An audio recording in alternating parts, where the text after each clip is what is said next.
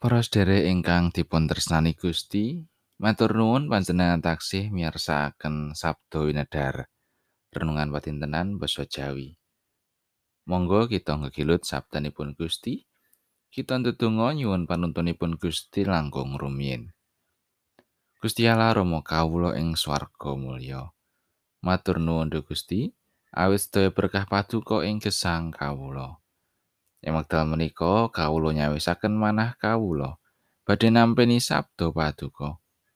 Mugi Roh Suci nyagetaken kawula mangertosi lan nindakaken kersa paduka. Kathah dosa kelepatan kawula ing ngarsa paduka, mugi Gusti kersa ngapunteni. Wonten ing asmanipun Gusti Yesus Kristus kawula ndedonga. Amin. Wawasan kapendet saking Injil Matius bab gangsal ayat 13 ngantos kalih dosa. Kowe iku padha dadi uyahing bumi. Layen uyah iku ilang asine, apa kang kanggo mulihake asine? Wis ora ana gunane maneh kajaba mung dibuang lan tidak-idak ing wong. Kowe iku padha dadi pepadang ing jagat. Kutha kang ana ing dhuwur gunung ora bisa kaling-kalingan. Lan maneh wong nyemedian iku ora banjur dikurupi tumpu, nanging ditumpangake ing jodhok supaya bisa madangi wong sak omah kabeh. Samono uga padangmu iya sorotno marang wong supaya iku padha sumurup marang tindak tandukmu kang becik. Temah padha ngluhurake ramamu kang ana ing swarga. Kowe aja padha duwe pangira yen tekaku iku arep nyuwak toret utawa kitabe para nabi. Tekaku ora nyuwak. Nanging malah nindakake. Awit satemene pituturku marang kowe.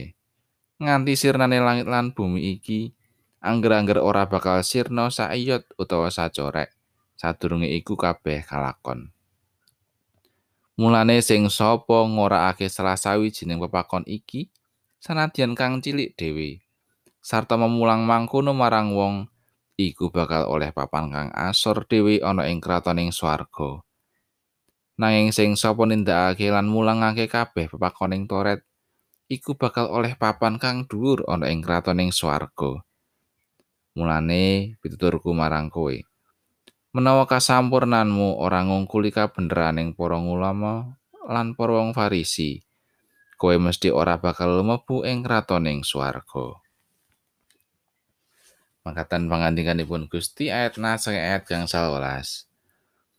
Lan maneh wong nyemedian iku ora banjur dikurupi tumpu, nanging ditumpangake ing jodhok supaya bisa madangi wong sak omah kabeh.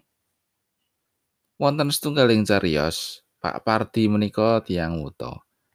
Setunggaling dalu piyambakipun melampah tumuju ing wande badhe tumbas kopi.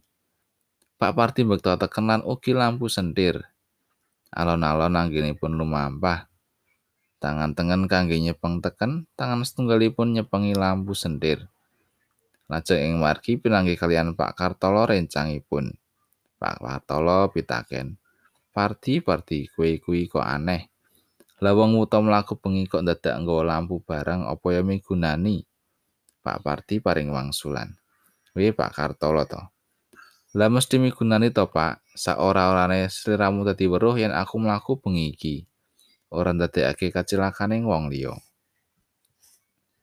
Mobil gesang kita menika pancen peteng kados petenging paningalipun Pak Pardi. Nanging wonten Sang Kristus ingkang dados pepadang tumraping kita. Pilih lampu sendir ingkang kaasta dening Pak Pardi menika piguna madangi tumraping tiang kajawi Pak Pardi ugi tiang ingkang pinanggih dhateng Pak Pardi. Pepadang jagat ingkang sejati paring pepadang tumrap kita ingkang sami peteng.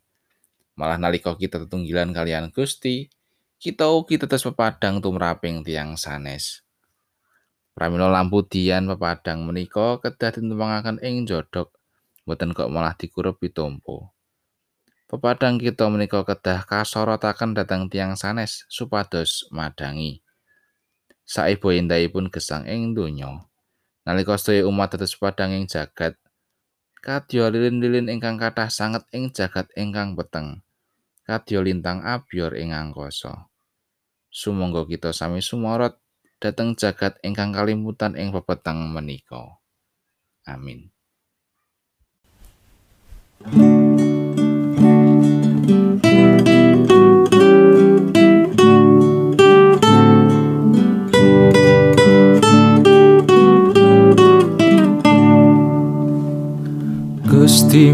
mugi ambaparno kraton patuko ing jagat pro umat samyorarjo